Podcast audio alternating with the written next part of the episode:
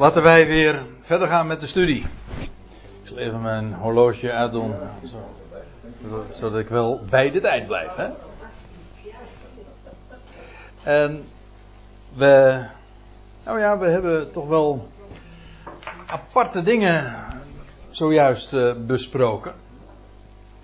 En uh, een lastige kwestie, dat wil zeggen, waar de uitleggingen nogal divers over zijn. Maar het hele idee in het algemeen is altijd dat men denkt bij de christelijke doop aan doop in water. En dat is pertinent onjuist. En, ik zou, en dan hoef je nog niet eens uh, te raden te gaan bij Paulus. Dat klinkt misschien vreemd. Maar je had het al aan Johannes de Doper kunnen vragen, want die wist het al te vertellen. En het is ongelooflijk hoe. Het lijkt wel een complete blinde vlek. Maar daardoor ook die enorme nadruk dan vervolgens in de christelijke kerk. Mede ook natuurlijk omdat men denkt dat men de erfgenaam van Israël is. Hè? Maar die nadruk op een ritueel, op een dopen met of een mijn part in water, dat maakt me dan eigenlijk niet, geen, verschil, geen verschil meer. Nee, het is een doop in geest. Daar had Paulus het over toen hij daar in Efeze kwam. En dat is wat er gebeurde. Is een hele zichtbare manifestatie. Goed. We moeten even verder gaan, want dan staat er dus terwijl dus Paulus aan die mensen uitlegt van de Heer Jezus, de opgestane Messias, naar wie Johannes had verwezen, wel, toen werden zij gedoopt. Niet zij lieten zich dopen, zij werden gedoopt in geest en Paulus legt hen de handen op en de Heilige Geest kwam dus op hen. En dat was heel duidelijk, want staat er, ze spraken in tongen en profeteerden. Ze spraken in tongen. Of zoals u hier ziet in de, uh, in de interlineair, in talen. Want dat woord tong en taal, dat is synoniem. Ik zeg niet dat het woordje tong fout is, maar het is een, gewoon een synoniem begrip voor taal. Trouwens bij ons ook. Ik zit eventjes uh, te denken aan een voorbeeld. Uh, zo, ik meen ook dat er in de Statenvertaling dan uh, gesproken wordt over zoveel tongen in het boek Openbaring. En dan gaat het over, de, over talen, inderdaad.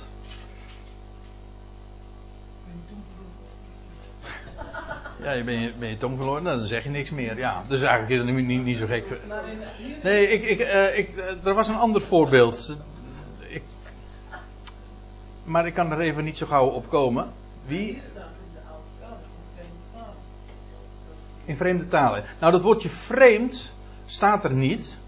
Ze spraken in talen, meervoud, dus in meerdere talen. Maar het gaat, het idee, kijk, we spreken allemaal in de taal. Dat is niet zo bijzonder. Maar ze spraken in talen, dat was in talen die ze niet geleerd hadden.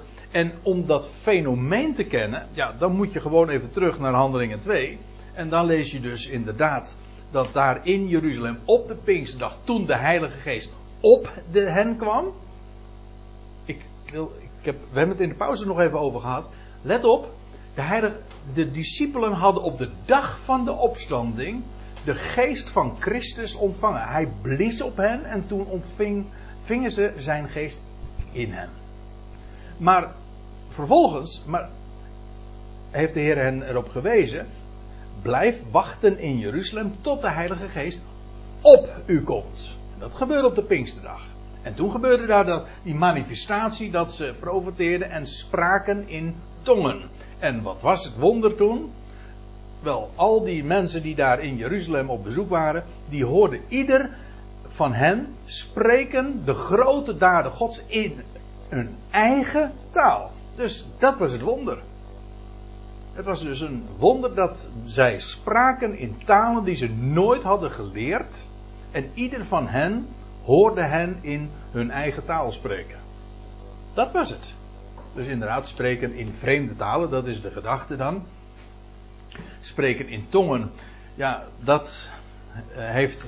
Die vertaling wekt bij ons een beetje de indruk van. Nou ja, precies zoals dat eh, in, in de charismatische Pinksterkringen gedacht wordt. Hè, dat dat iets uh, glossolali. Hè, dat is dan spreken in in de NBV, de nieuwste Bijbelvertaling, wordt, spreekt men over klanktaal. En dat, dat onderstreept helemaal wat het gangbare idee. Hè, je doet maar wat met je tong, weet u wel dat. En dat is dan tongentaal. Nou, u vindt dat gek wat ik nu doe, maar ga maar eens een keertje naar een gewoon doorsnee Pinkstergemeente en je hoort dat. Men doet maar wat met de tong en, men, en een klank uh, men na, of in ieder geval brengt men uit. En dat heet dan tongentaal. Zeg, wat helemaal trouwens een pleonasme is, want tongentaal. Nee, maar er valt ook weinig uit te leggen, mij aan zoiets. sorry? Ja, ja, precies, ja, ja. Nou ja, daar zie je dus al aan dat dat, dat, het, dat niet eh, juist kan zijn. Kijk, het heeft niets te maken met dat wonder wat er plaatsvond op de Pinksterdag. Dat begrijpt u wel. Dat een ieder hen hoorde spreken in hun eigen taal over de grote daden Gods.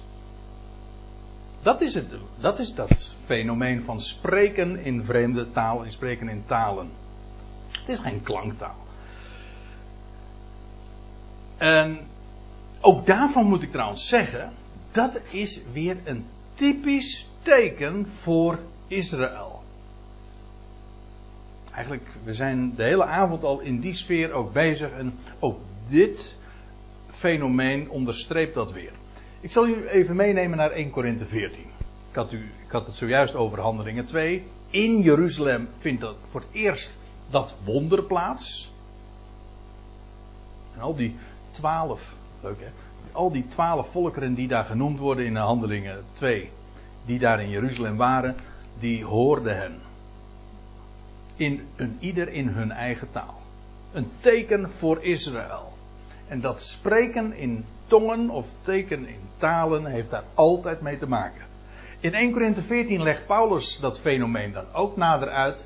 En dan zegt hij in de wet, en dat bedoelt hij heel breed, gewoon de tenag, want het gaat namelijk, dat is een citaat uit Jezaja 28. In de wet staat geschreven, door lieden van, van een andere taal en door lippen van vreemden zal ik tot dit volk spreken. En toch zullen zij naar mij niet luisteren, zegt de Heer. Dit is een voorzegging in Jesaja 28. En Paulus haalt dat aan om uit te leggen wat dat wonder of dat teken is. Of wat dat spreken in tongen is. Hij zegt het is een vervulling van wat er in de wet, in de Torah, in het onderwijs, in de schrift staat geschreven. God zou tot dit volk spreken, alleen niet in het Hebreeuws, wat toch de, de, heilige taal was. Het Oude Testament is geschreven in het Hebreeuws. God sprak in het Hebreeuws, maar God zegt, het wordt, hier wordt voorzegd, bij monden van Jezaja, door lieden van een andere taal, niet Hebreeuws dus, en door lippen van vreemden, die geen Hebreeuws spreken, zal ik tot dit volk spreken. Dus eigenlijk vanuit de natieën gaat God spreken tot dit volk. En uh, dat is één ding. Dus in vreemde klanken, in, in niet-Hebreeuwse talen, wordt gesproken tot Israël, tot dit volk. Dat, dat is één ding. En vervolgens wordt er uh, ook nog bij gezegd dat het het effect zal, uh, niet zal hebben dat zij tot geloof zullen komen of dat zij gelovig zullen worden. Nee, er staat bij, en toch zullen zij naar mij niet luisteren, zegt de Heer. Met andere woorden, als ik vanuit de natieën tot dit volk spreek, dus in niet-Hebreeuwse taal, op een, nou ja, zoals je dat ziet op uh, de Pinksterdag, maar ook hier in Handelingen 19 en iedere keer in het boek Handelingen gebeurt het op een wonderlijke manier dat God tot dit volk spreekt. Let maar op, iedere keer als het fenomeen genoemd wordt, dan is dat altijd terwijl Joden daar zijn. En Joden daar getuigen van zijn. Tot dit volk wordt gesproken. Weliswaar zijn de natieën ook uh, die, die spreken. Maar aan wie is het geadresseerd? Wel, dit volk, Israël. En, wordt erbij gezegd, ze zouden niet geloven. Dat wordt dus al door Jezaja voorzegd.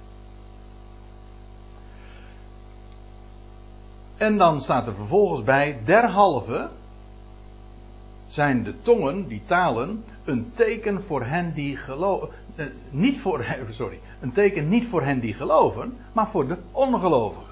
En wel voor het ongelovige volk in het bijzonder. Daar is het een teken voor. Dus dat betekent dat God zich van een. Uh, dat wat Jezaja dus voor zegt. God zou zich van een taal bedienen. in de toekomst. die niet Hebreeuws is. Dat wil zeggen. Het, gaat, het heil gaat naar de natie. Nou, dat is eigenlijk het grote onderwerp van het hele boek Handelingen. En tot dit volk wordt dat gezegd. Wordt dat gedemonstreerd.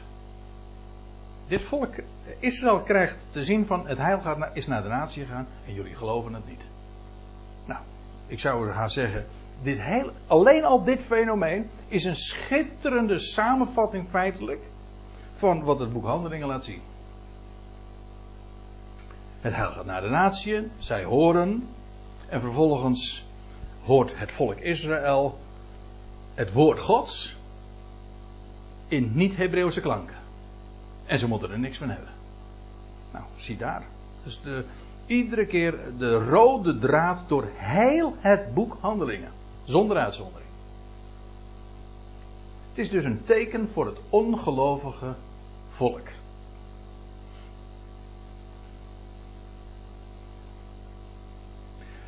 Goed. Paulus legt hen de handen op. De Heilige Geest kwam op hen. En zij spraken in tongen. En staat er ook nog bij, dus in vreemde talen. En ze profeteerden. Profeteren, letterlijk in het Grieks betekent dat voorzeggen. In het algemeen is het, vanuit het Hebreeuws is het meer dat, dat je de mond van God bent. Dat je woorden Gods dus spreekt. Maar nou neem ik u nog eventjes mee naar 1 Korinthe 13. Ik had het net over 1 Korinthe 14. Hè, waar staat dat het een teken is voor het, het, het, volk van Israël. Voor het ongelovige volk van Israël. Maar in 1 Korinthe 13 wordt, uh, worden die beide begrippen, tongen of talen en profetie, worden ook genoemd. En ik neem u even, even daar naar mee, mee naartoe, want dan zegt Paulus dit. U moet zich realiseren, 1 Korinthe 12 gaat over deze dingen, over, die, uh, over de, de charismata, over de genadegaven. 1 Korinthe 14 ook weer. En dan onderbreekt Paulus zijn betoog en hij zegt: Ik wijs jullie een weg die veel hoger voert. Niet over uh, deze uitingen, die zijn namelijk van tijdelijke aard. Een weg die veel hoger voert en dan, zegt, dan wijst hij hen op de AKP. Dat wil zeggen de liefde Gods. En daarvan zegt hij in vers 8: die liefde die vergaat nimmer meer. En dat gaat hij dan contrasteren met een aantal dingen. Let op. De liefde vergaat nimmer meer, maar profetieën, godspraken, zij zullen afgedaan hebben. Tongen, hierop, profetieën, tongen, talen, zij zullen verstommen, ook ophouden. Kennis, dat wil zeggen, het gaat hier over openbaringen van kennis. God maakte aan de een dit bekend en de ander dat bekend. Die zullen dan ook hebben afgedaan. Want staat er onvolkomen, en als u een statenvertaling hebt, dan, dan zie je het uh, beter vertaald weergegeven, ten dele. U ziet het hier in de interlineair, letterlijk staat er ook dit woord deel. Fragmentarisch. Eh, deels of ten dele fragmentarisch is ons kennen nu nog. Let op, Paulus heeft het hier over de situatie toen in de dagen van de Corinthiërs. Er was nog profetie, er waren uh, spreken in talen, maar Paulus wijst hen erop, dat is van voorbijgaande aard. De liefde Gods, dat is blijvend. Maar uh, deze zaken, die gaven van kennis, profetie en tongen, die zullen afgedaan hebben of verstommen. stuksgewijs is ons kennen. Dat wil zeggen, de een wist dit, de ander wist dat. Uh, stuksgewijs, fragmentarisch is ook ons profeteren. Een godspraak hier, een godspraak daar. Maar het was allemaal nog deels. Ja, wat wij dan weergeven met fragmentarisch. In stukjes is het allemaal. Doch staat er, als het volmaakte komt, staat er eigenlijk niet hoor. Er staat hier eigenlijk de volwassenheid. Als u trouwens 1 Korinthe 14, vers 20 eh, leest, dan wordt, ex, uh, daar wordt exact hetzelfde woord gebruikt. En dan zegt Paulus, en dan wordt het ook inderdaad vertaald met volwassen. Wees kinderkens, uh, wees geen kinderen in het verstand, maar wordt in het verstand volwassen. En dan gebruikt hij exact dit woord, wat hier dan vertaald wordt met volmaakt. Dat klopt niet. En uit het verband blijkt ook dat Paulus het heeft over die ontwikkeling van een kind naar volwassenheid. Toen ik een kind was, sprak ik als een kind, overlegde ik als een kind. Maar nu ik man geworden ben, volwassen, heb ik dat afgelegd. Dat is van tijdelijke aard. Als de volwassenheid komt, dan zal dat onvolkomene, dat, dat stuksgewijze, dat fragmentarische, dat ten dele hebben afgedaan.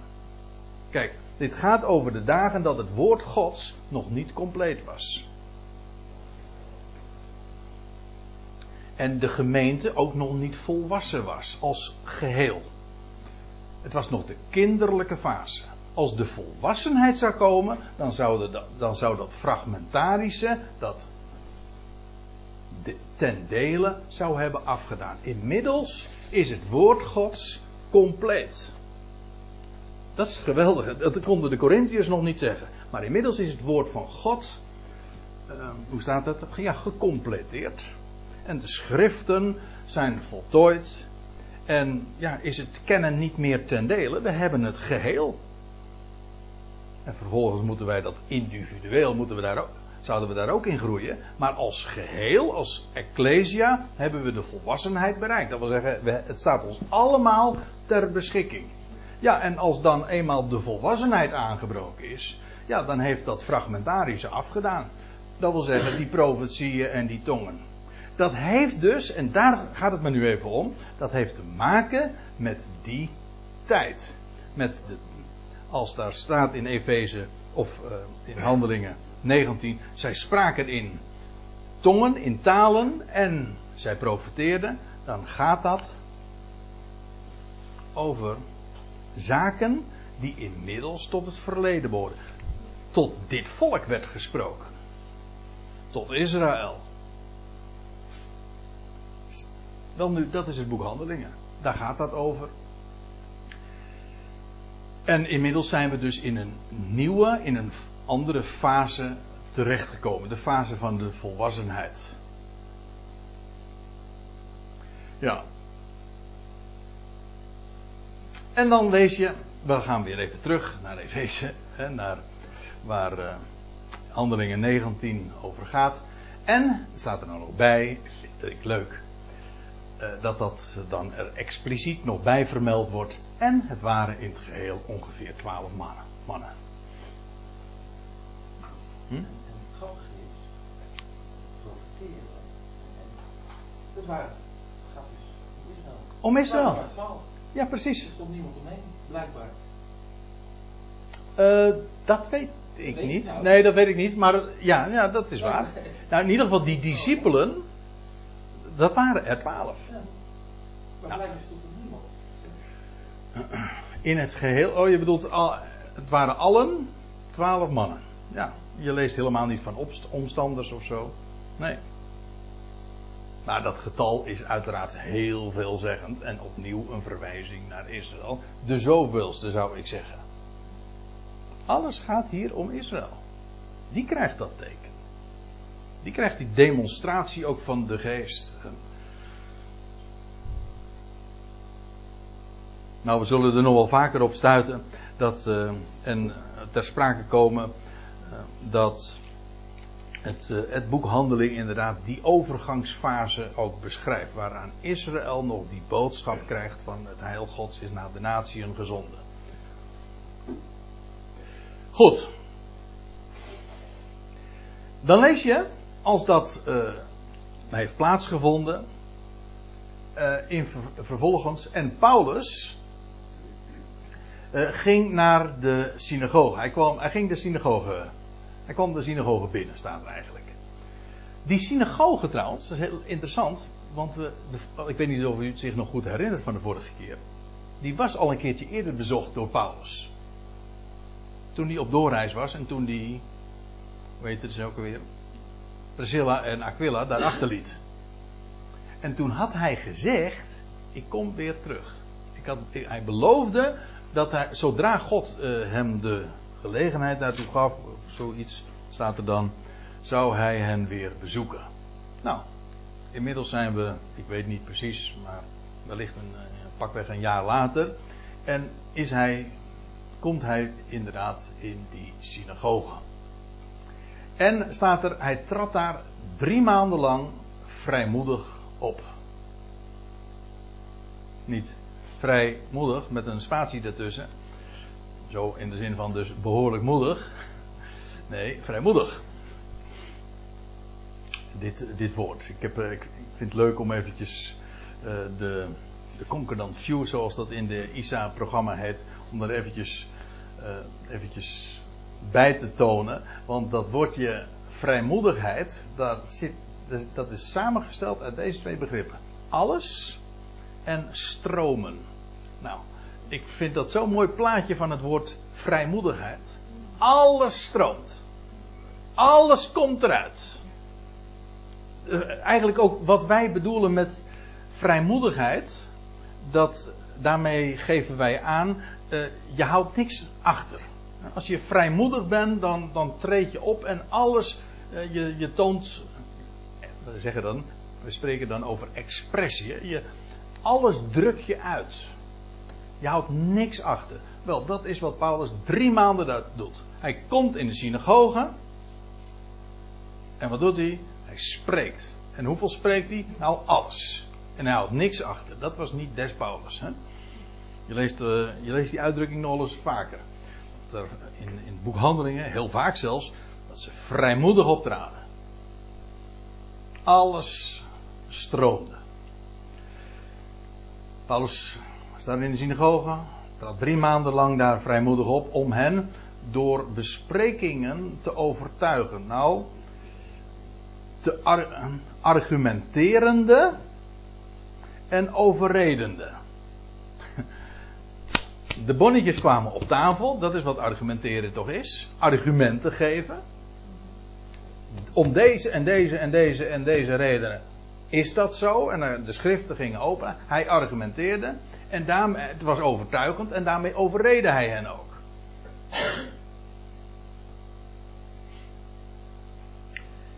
Aangaande staat er dan het koninkrijk Gods. Nou, daar heb je wel drie maanden de tijd voor eh, nodig hoor, om dat inderdaad te doen. Want het is heel boeiend hè, om dat uh, alleen al eens een keer in het boek Handelingen eens uh, na te gaan. Je leest in het begin van het boek Handelingen dat de Heer Jezus gedurende de 40 dagen dat hij nog op aarde is en inmiddels is opgestaan, dan lees je dat hij met hen sprak 40 dagen lang aangaande de dingen van het koninkrijk Gods. Omtrent het koninkrijk Gods. Omtrent, aangaande.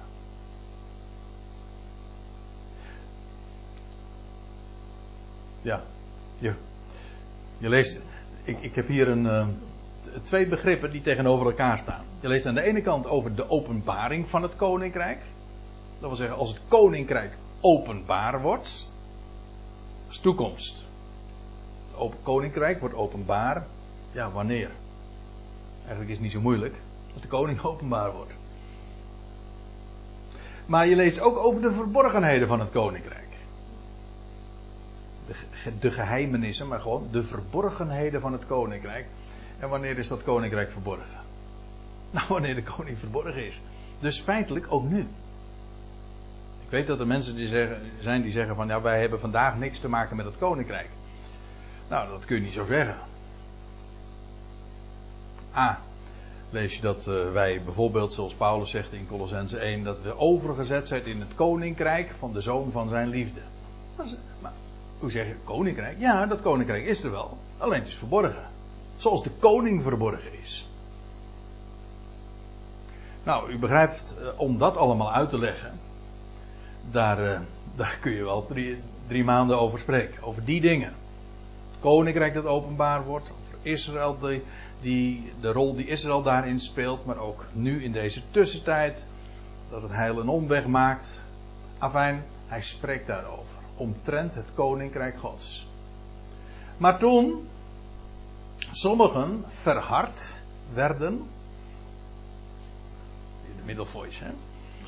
weer waar we het de vorige keer over hadden. Voor die, uh, ja, je wordt verhard, ze verharden zichzelf. Uh, hè? Ja, passief, actief, ja. En ze, dat vind ik mooi, ze bleven ongehoorzaam. Eigenlijk staat er letterlijk zoals u hier ziet, ze waren ongezeggelijk. Dat is het. Ongehoorzaam eh, is het, het idee hier is, het is niet het begrip gehoorzaamheid, het is het begrip ongezeggelijk zijn. Realiseert u zich, wat Paulus deed. Hij argumenteerde. Hij overreden en dat wil zeggen, hij, het was zo overweldigend het bewijs. Dus ja. Maar als je het niet wil horen, als je je niet laat gezeggen, ja, dan ben je dus ongezeggelijk. Ja, goed, dan kun je, de, je praten als brugman, maar dat wil het toch niet. Niet voor reden vatbaar. Dat is het, ja. Niet voor reden vatbaar. Dat is heel, heel mooi eigenlijk daarmee uh, aangegeven. En dan, kun je, en dan kun je blijven argumenteren. Dat heeft helemaal geen zin. Ik weet er alles van. Ja, ik, ik, ik meen het. Ik, uh, dat je soms ook. Dat je weet, uh, iets is zo. En je kunt het bewijs gewoon overleggen. Maar op een gegeven moment moet je gewoon ook kunnen stoppen. En dan wil je. Ik weet niet of u het fenomeen herkent. Maar dan zou je het wel eens een keertje door de strot willen duwen. En u weet hoe dat gaat dan, hè? wat het effect daarvan is, want dat werkt precies averechts. Moet je maar eens een kind eh, proberen, een kind dat niet wil eten, hè, moet, je het, uh, moet je erin in, in gieten. Dan gaat kokhalzen, dat, dat, dat roept weerstand op, het heeft een averechts effect. En dat is precies, ook wat, uh, wat Paulus ook niet deed. Uh, dat wat Paulus Uh, nou, laten we lezen wat de reactie is. Toen sommigen verhard en ongezeggelijk waren. En ten aanhoren, of in het zicht van de menigte, kwaad spraken. Van de weg, heb je weer. De weg. Ze spraken kwaad van de weg. De weg, de waarheid en het leven. Het levend waarachtige weg. En de weg. En ze bleven daar, of ze spraken daar kwaad van ten aanhoren, of in het zicht van de menigte. Nou, wat doet Paulus dan? Bleef hij dan toch maar gewoon praten en met hen door de strot? Nee. Hij had geargumenteerd, hij had hen overreed. Maar dan, als zij ongezeggelijk zijn, dan maakt, toen maakte hij zich van hen los. Hij nam afstand van hen. Letterlijk. Hij ging weg. En hij zonderde zijn discipelen af. Hey, ziet u, in het begin vanavond begon ik daarmee. Over de discipelen van Johannes. Over de discipelen van Jezus. Over de discipelen van de Fariseeën. Hier heb je een weer een groep. Zijn discipelen. Paulus' discipelen. Ja. En toen zonderde hij zijn, zijn eigen leerlingen af. Terwijl hij, staat er dan, dagelijks besprekingen hield, maar ook hier weer hetzelfde. Paulus die hield maar geen overdenkingen of zo. Ja, dat klinkt misschien wat negatief als ik dat zo zeg, maar zo van die eh, meditaties eh, te, of pep talk. Nee, het was echt. Hij, Paulus had een boodschap die onder. die werd aangevallen. die weerstand iedere keer ondervond. Ja, en wat moet je dan doen? Nou, dan moet je bewijs leveren. Daar gaat het om. Het gaat er niet in de eerste plaats om dat het mooi is, maar dat het waar is. Paulus argumenteerde dagelijks. Apologeet. Apologeet, ja, dat woord wordt ook, hè? Verdedigen. Hij verdedigde dat waar hij op stond. En dat deed hij in de gehoorzaal. Hier wordt een woord gebruikt. Dat wij allemaal kennen. En uh, waar mijn kinderen, juist vanmorgen, vandaag hoorde, hoorde ik mijn zoon nog zeggen. Nou, ik zal maar niet zeggen hoe hij het formuleerde, maar dat hij zo'n verschrikkelijke hekel aan een school heeft. Want hij heeft veel liever vrije tijd. Maar weet je wat nou zo leuk is? Ik heb het vandaag niet tegen hem gezegd. Het woordje scholee, dat is afgeleid van vrije tijd. Dat betekent eigenlijk gewoon vrije tijd. Het idee daarbij is eigenlijk dat als een mens vrij is, ja, dan, kun je, dan heb je de tijd om wat te leren. Dat is eigenlijk wat, dat is het idee van school. Je neemt vrij en, dan, en juist in die vrijheid, in die sfeer van vrijheid, dan heb je een vrije avond. En dan kom je in de bovenzaal, hè, zoals ik het dan maar noem. En dan gewoon om onderwijs te krijgen en om uh, ja, de dingen te horen. Ja, hier wordt het dan in de MBG-vertaling. Hoe staat het eigenlijk in de Statenvertaling? MBG staat. Oh, ah, in de school. Ja, dat is precies wat het is. In de school. Een gehoorzaal. Nou, in de school van Tyrannus. Dat is niet zo'n leuke naam. Want u weet meteen waar het van afgeleid is. Hè? Tiran, ja. Maar vind ik zo mooi. Hij heeft ze net losgemaakt. Hij heeft ze net vrijgemaakt. En wat, waar komt hij terecht? In de school van Tiran. Ja. Dus een woord van vrijmaking in de school van Tiran. Dat is. Ik weet niet of uh, Lucas dit ook met een knipoog heeft gezegd. Of uh, opgetekend. Maar ik kan het niet nalaten om die, uh, die link dan te leggen. Maar ziet u wat er gebeurt? Paulus heeft leerlingen. En hij, en hij heeft onderwijs gegeven. Er liep een hoop weerstand op. En wat hij doet is zijn, zijn eigen leerlingen gewoon onderleggen. Dat is wat hij doet. Dagelijks. Zodat ze weten waar het op staat en wat van belang is. En werkelijk ook dus, het is een school. En dat valt dus dan ook weer samen met dat woordje leerlingen. Want wat doet, wat doet een, een leerling? Of wat doe je in een school? Ja, dan, daar word je geleerd. Toch? Ja, daar word je geleerd. Uh, daar ontvang je onderwijs. En dat is wat Paulus daar deed. Dagelijks. En een, in omgeving misschien van slavernij en van dwang en van opgelegde wetten, maar hij maakte hen los, hij maakte hen vrij. En, dat is ook een, werkelijk een vrijmakend woord. Het hoe was het ook alweer? De waarheid, die maakt vrij. Ja, en dan lees je, dit ging twee jaar lang zo voort. Ja, ik wil de volgende keer daar wat meer over vertellen. Ik doe dat nu niet meer. Maar het, staat, uh, het is niet voor niks, laat ik u dat zo zeggen. Dat dat twee jaar zo is. Uh, en dat twee jaar zo ging. Weet u waar? Even een vraagje. Heb u een idee hoe vaak dat uh, voorkomt in de Bijbel? Die, deze, deze termijn. Nou, ik, kan, ik vraag nu iets wat ik zelf niet eens kan beantwoorden, want ik weet het. hoe, maar eh, ik bedoel, het, het, komt heel wat keren voor. Ja. Nee, eigenlijk is het toch, het is toch zinnig om een, vraag. Als, je, als ik een vraag stel, dan, dan doe ik dat omdat ik het antwoord niet weet. Sorry? In? Nou ja, je hebt het vastgelegd. Ja, de twee, dat is dan de twee dagen. Ja, het, is, het gaat om die, dat getal 2. Maar dat is dan de typologie. Je leest, uh, maar die termijn van twee jaar. Uh, de eerste keer uh, dat die genoemd wordt is in de geschiedenis van Jozef. Dat hij in de gevangenis verbleef. En dan twee jaar lang daar de geheimenissen uitlegt. Hè? De dromen die ze niet begrepen, hij legt ze uit. Maar uh, in het boek Handelingen ook al een paar keer. Ja, precies. Dat is de laatste keer dat het in handelingen genoemd wordt. De twee jaar hier dan, in Efeze. Je leest dat Paulus twee jaar in, dat moeten we nog krijgen, twee jaar in Caesarea ook nog gevangen zit. Dat is heel onbekend, maar het is echt zo. Paulus heeft twee jaar gevangen gezeten in Caesarea.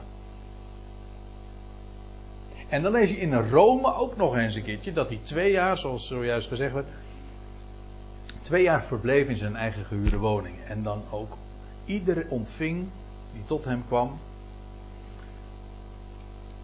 En leerde. Dat is het laatste vers. Laten we daar dan mee afsluiten vanavond. In het laatste vers van het boek Handelingen.